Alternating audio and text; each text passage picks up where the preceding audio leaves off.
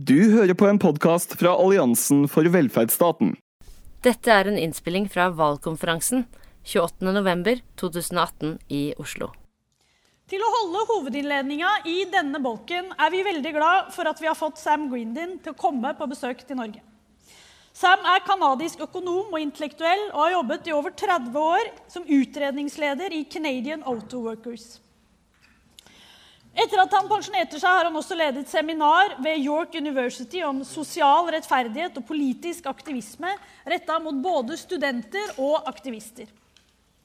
Grindin har også publisert en rekke bøker, og artikler, artikler bl.a. 'Making of Global Capitalism', 'The Political Economy of the American Empire'.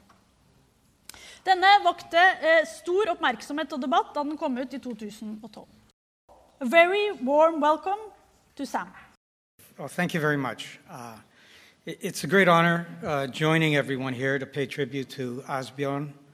Um, I particularly bring greetings from Canadian comrades who, in their own struggles to reshape the world, have found Asbjorn's analysis of the welfare state and its limits especially insightful and strategically stimulating.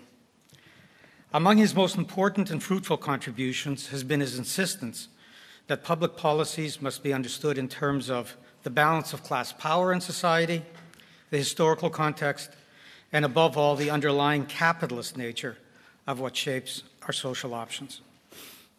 I was asked to address uh, in my notes today what to expect in the next 10 or 15 years of global capitalism. The truth, however, is that my record in predicting what next month will bring, never mind a decade or two, gives me, it doesn't give me much credibility to predict, what, to predict uh, anything right now. I was completely surprised, for example, though of course happily so, at the remarkable support Bernie Sanders got in the United States. I was no less surprised and amazed at the unlikely rise of Jeremy Corbyn in the UK. And I was stunned by the unexpected election of Donald Trump and the stubborn core of support he sustained. I take some solace in the fact that the role of the left isn't so much to forecast the future as to change its trajectory.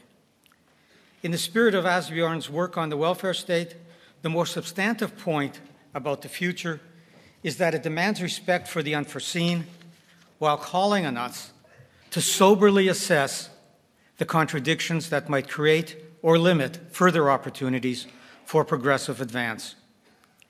At the heart of that perspective lie the twin beliefs that capitalism doesn't represent the best society human beings can strive for, and that so called ordinary people can effect significant change. And yet, as we consider capitalism's contradictions, we can't avoid confronting our own contradictions in developing the collective capacities to redirect history. We need to be sober about the depth of our defeat. In spite of some courageous struggles and the occasional important success, the larger fact is that the past three to four decades have left a highly fragmented and demoralized labor movement, a defensive general lowering of popular expectations, and a political vacuum on the left in expressing and addressing working class frustrations that has instead been exploited by the right. Now, I'm thinking very much about uh, the North American context, but I think this is also relevant around the developed world. It's in that context of the left's profound defeat that I want to raise and elaborate on some pressing questions about the intermediate future, questions that we desperately need to think about. I'll limit myself because of time to four such questions. First, is capitalism exhausted as an economic system? Second, will global capitalism be undermined by nationalism? Third, how much reform is actually possible under capitalism? Can we get the welfare state back? And fourth, can a new international solidarity revive what national movements have failed to do? I'm going to take each of these on in turn and then draw some conclusions. First of all, the exhaustion of capitalism. Uh, an argument on the left that had been common historically is that capitalism would eventually collapse because of the exhaustion of profitable opportunities, falling rate of profit, uh, the end of colonization. As well, there was a notion that there was, crises under capitalism would be inevitable, and over time, they would become worse, steadily worse. Third, of course, is the question of the environment. The capitalism would ultimately be limited by the environment and by capitalism's cultural priorities, which commodify the environment, and therefore, and, and the need for, if you're going to deal with the environment, to move away from competition and move towards some kind of planning. Uh, that's always had the tension between the urgency of the environment and the notion that if we really want to solve it, as opposed to the important work of fixing whatever we can today, we would have to move beyond capitalism. And moving beyond capitalism is a long term question. Now, when you, when you look at this historically, the lesson is clear. Capitalism is a resilient system. It is not going to fall away on its own. The question of changing society isn't going to be helped by us waiting for something to happen in capitalism.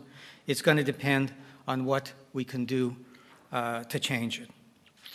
On the question of nationalism and globalization, there was an argument that how, how can the two go, how can nation states and countries and globalization go together since the nation state is bounded by its territory? That's what the nation represents. But globalization uh, extends internationally in terms of capital accumulation, finance, being international. How can these two coexist? And what has in fact happened is that the state, the nation state, has been transformed. It's been internationalized, so it's taken on responsibilities within its own borders for making the conditions for capitalism to operate globally. So, in Canada, as an example, General Motors, an American corporation, is invited in to invest it's given massive subsidies.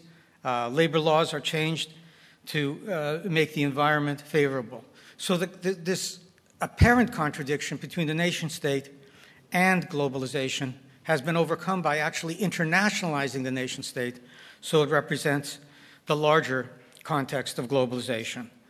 Similarly, there's the contradiction, or again, the tension between sovereignty and globalization with a lot of the left arguing that globalization undermines sovereignty. Now, we have to be careful in expressing this because globalization has happened through states. It's been states that have created the elected governments that have created the conditions for globalization in their own territory, who've actually been the authors of free trade. It has been imposed on them. They've actually argued for it. And what we, we, therefore have to conclude is that the issue isn't the sovereignty of the state, the issue is popular sovereignty.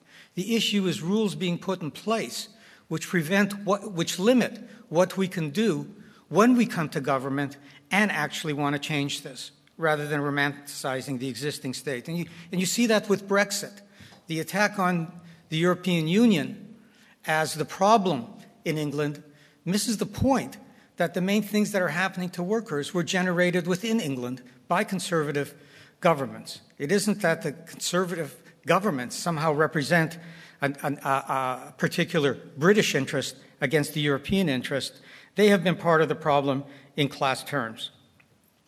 The other argument that has often been made on the left is that capitalism, because of competition, the competition will always be internationalized. I'm sorry, politicized that competition between companies ends up to be competition between states and therefore uh, leads to inter-imperial rivalry and a breakdown of the system. And again, we have to be careful about this. This was an argument that emerged more than 100 years ago.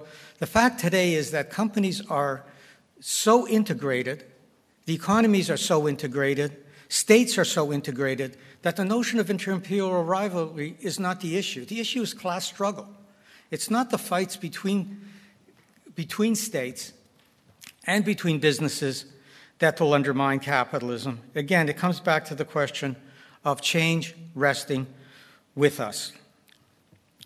Let me, the third question I posed was the recovery of the welfare state. And it's great to be in, in Norway, where you've probably done more to save the welfare state And a lot of what you're doing here in terms of municipalization is so impressive. But what we have to recognize, and this is something that Asbjorn has really emphasized in his work, is that the welfare state was a compromise at a particular point in history, that it was always vulnerable. It was always vulnerable to capitalism, capitalists, capitalist states reversing it, unless we actually challenged it in terms of power. And that's what we didn't do.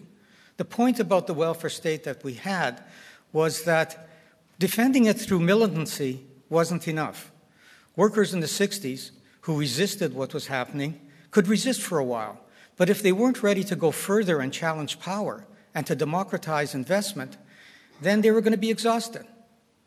Corporations leaving, states allowing unemployment to rise in order to weaken workers was going to eventually weaken the working class. We had to, we had to go different, otherwise, it was going to be lost. And that's what neoliberalism was about, what we call neoliberalism. It was a response from capital to the fact that the welfare state was a problem for them. Secure workers who had social programs challenged things. They didn't accept arbitrary authority of management. Uh, and this affected corporate profits and their ability to restructure the way they wanted to do. A, a friend of mine defined neoliberalism as capitalism without a working class opposition. That was the point of neoliberalism to remove that kind of opposition and to attack the welfare state for moving towards, in some modest ways, decommodifying labor uh, through uh, social services and worker rights. So the critical question in terms of the labor uh, of the welfare state is it's not good enough, and we have to recognize this. As important as this is, to think in terms of can we just bring it back? It'll raise all the same contradictions. It'll raise all the same conflict between corporations saying we have to reverse this. So we have to combine fighting for the welfare state with going further in terms of democratizing society, in terms of control over the economy. And that's even clearer today because, in so many ways, what globalization has done is it's made it more difficult to reintroduce the welfare state because of competition and the mobility of capital. So, just to get back to it would require us to be much more radical. And I'll come back to that uh, in a second. Uh, uh, let me, I guess, a couple of things about the welfare state that I'll, I want to uh, emphasize. One is that we were always too moderate in what we were asking, both of the welfare state and in terms of changing power more generally. Uh, even when we talk about fighting against privatization, what we have to recognize, and this has been very much true in, in, in Canada, is that even without privatization, they've commercialized the welfare state. They've run the welfare state increasingly on the business model, which affects workers and affects the services, and it also sets the stage. Once you've made social programs into commercialized like operations, it also makes it easier to privatize them. And the second thing is that, unlike the right, uh, we can't just have a left populism. The right has resources, it shares certain assumptions about how capitalism is going to continue. We're challenging those assumptions. We're challenging the way things work. And in order to win that fight, we have to actually do the hard organizing to convince people of possibilities. And again, that's something I'll come back to in a second. I want to say a couple of things about working class internationalism. I mean, obviously, uh, social justice has to be universal if it is to be meaningful. So we want working class solidarity, we want working class internationalism. Uh, we want a different kind of world that isn't just better for us, but for everybody. And whenever we fight in any one place, whenever there's a struggle any place, that creates space for others to struggle. If we're giving up things in our own country, that's undermining workers someplace else. And uh, international solidarity can always find, in whatever spaces, some space to support key struggles abroad. But the key point about international solidarity is that if we don't, can't actually build power in our own country, amongst our own workers, if we can't build solidarity across private and public sector workers, if private sector unions are fighting each other around who's going to have the members, then we can't do much internationally. The condition for international solidarity in terms of transferring resources, in terms of transferring uh, technology, in terms of real solidarity, is that we can actually do things at home. And I think we have to remember that. The other point, and this is quite clear from the kind of struggles that are going on here, is that power runs through the state. If you want to change things, not defend things and change things, you have to address state power. And addressing state power means that you have to build class solidarity inside your own country. If you can't do that, you can't win. And then the key point is that it isn't just a question of becoming the government and inheriting a capitalist state. The capitalist state is not just something that is malleable, it's an institution that developed historically over time and it developed certain capacities, basically to protect private property, to keep workers in line, to disorganize workers. But it, didn't, it doesn't have the capacities to create democratic structures that can serve people and that can improve social services. Uh, that are about how do you actually have an egalitarian society, how can you plan around the environment, etc. So the question of taking state power isn't just to become the government, and people have always reacted against this in terms of statism. It's about transforming the state.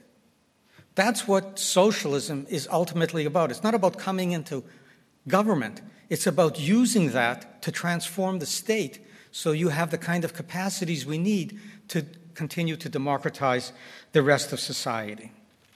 So let me conclude with a few observations, and I think I'm doing okay in terms of time. Yes? Great. Um, when we talk about change, and we talk about, we, are talking about people's expectations. Uh, expectations are always limited by what people think is possible. If they don't think much is possible, then they lower their expectations. And that's something that has happened over the last three or four decades. People have lowered what they think is what their expectations are, what they actually think can be done. And they've lowered it because they look around and their experience has basically taught them that uh, there's a limit to what is possible in this new world. Uh, and possibilities, what's possible depends on experience, which hasn't been uh, that uh, inspiring, for one thing. But it above all depends on the development of people's capacities and having structures through which you can work and change society. And I can say, in terms of North America, and I think it's a general issue, there's been a crisis in the labor movement. The real crisis we have to talk about is the crisis on the left and the crisis in the labor movement. And that crisis is very much about the fact that a lot of workers no longer see the unions, their unions, as a vehicle for significant change. It's become very much you pay your dues, you expect to be defended, but that the union isn't an inspiring vehicle, nor does it have the capacity to institutionalize change. And that's been especially true of political parties. Political parties that have gotten elected, uh, social democratic parties, have generally tended to accommodate with capital, to develop the kind of welfare state that is compromised by that accommodation, and that in fact has even moved towards implementing neoliberalism with maybe a more human face. The role of a party that's committed to radical change is primarily to develop popular capacities. Of course, there are immediate struggles to fight for. But in all those struggles, the critical question is what are we doing to develop our, to build our strength? What are we doing to actually make the working class? Because it isn't, the working class isn't there in some spontaneous way that we sometimes talk about it. There's workers, but they don't form a class. The role of the party is to intervene in a way that builds the class and that gives people the capacities to understand, that shares the capacities to understand, uh, to evaluate, to work together democratically, uh, to debate democratically, and to act. Um,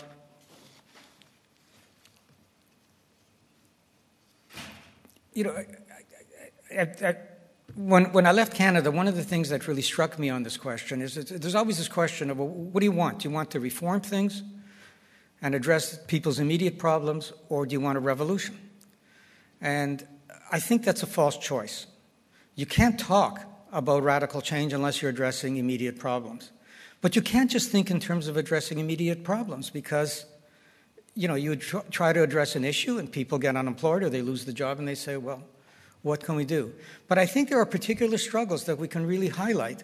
And I'll, I'll just highlight this very quickly uh, because what strikes me about this is everywhere I go and I talk to workers, what workers want to talk about is the stress the stress from work, the stress from time, uh, low paid workers who have two jobs, people working overtime to, to, to, to make ends meet.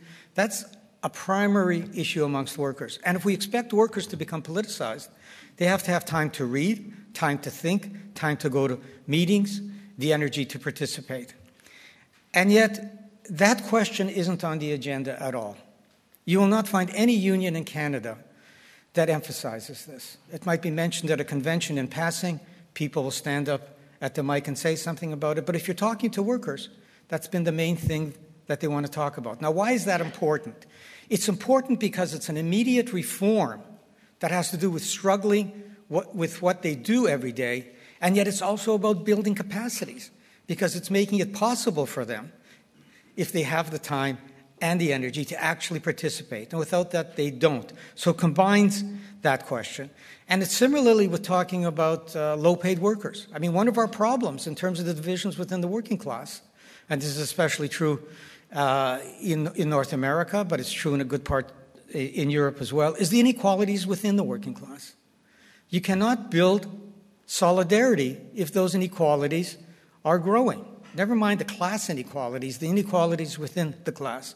So when we engage in struggles to raise the wages of low paid workers, we're also building the class. When we say we want to organize, we can't compete with each other to say, well, they should be our members. We have to see it as this is about building the working class. That's why we want them to join a union. And when you do that, then you can think about, well, how do we do this together? Why don't we cooperate in each community to organize? And that's something that also doesn't happen. Um, in terms of the labor movement, and I'll throw this out, this might be controversial, I don't think that the labor movement can be revived without the presence of socialists and socialist organizations. I think that workers themselves are too fragmented, too busy trying to survive, too focused on the short term because of what they face, uh, to challenge their leadership to be better. And in some cases in our country, uh, the leadership is actually comfortable with lowered expectations. Although they fought it at first, they found, well, it makes their job easier. But more, more important than that, I think the leaders themselves are overwhelmed by what they face because it's so hard to solve it in the context of a single union. The role of a party is to have feet in the union so it's grounded, but also to have feet outside so it's seeing the larger picture and giving people a larger vision and thinking always in terms of whatever we're doing, somebody has to be thinking about how is this building capacities. Small victories are important, but also how is it building uh, capacities? So the role of a party is both to play that role in reviving the labor movement, to come to power, and then to transform the state.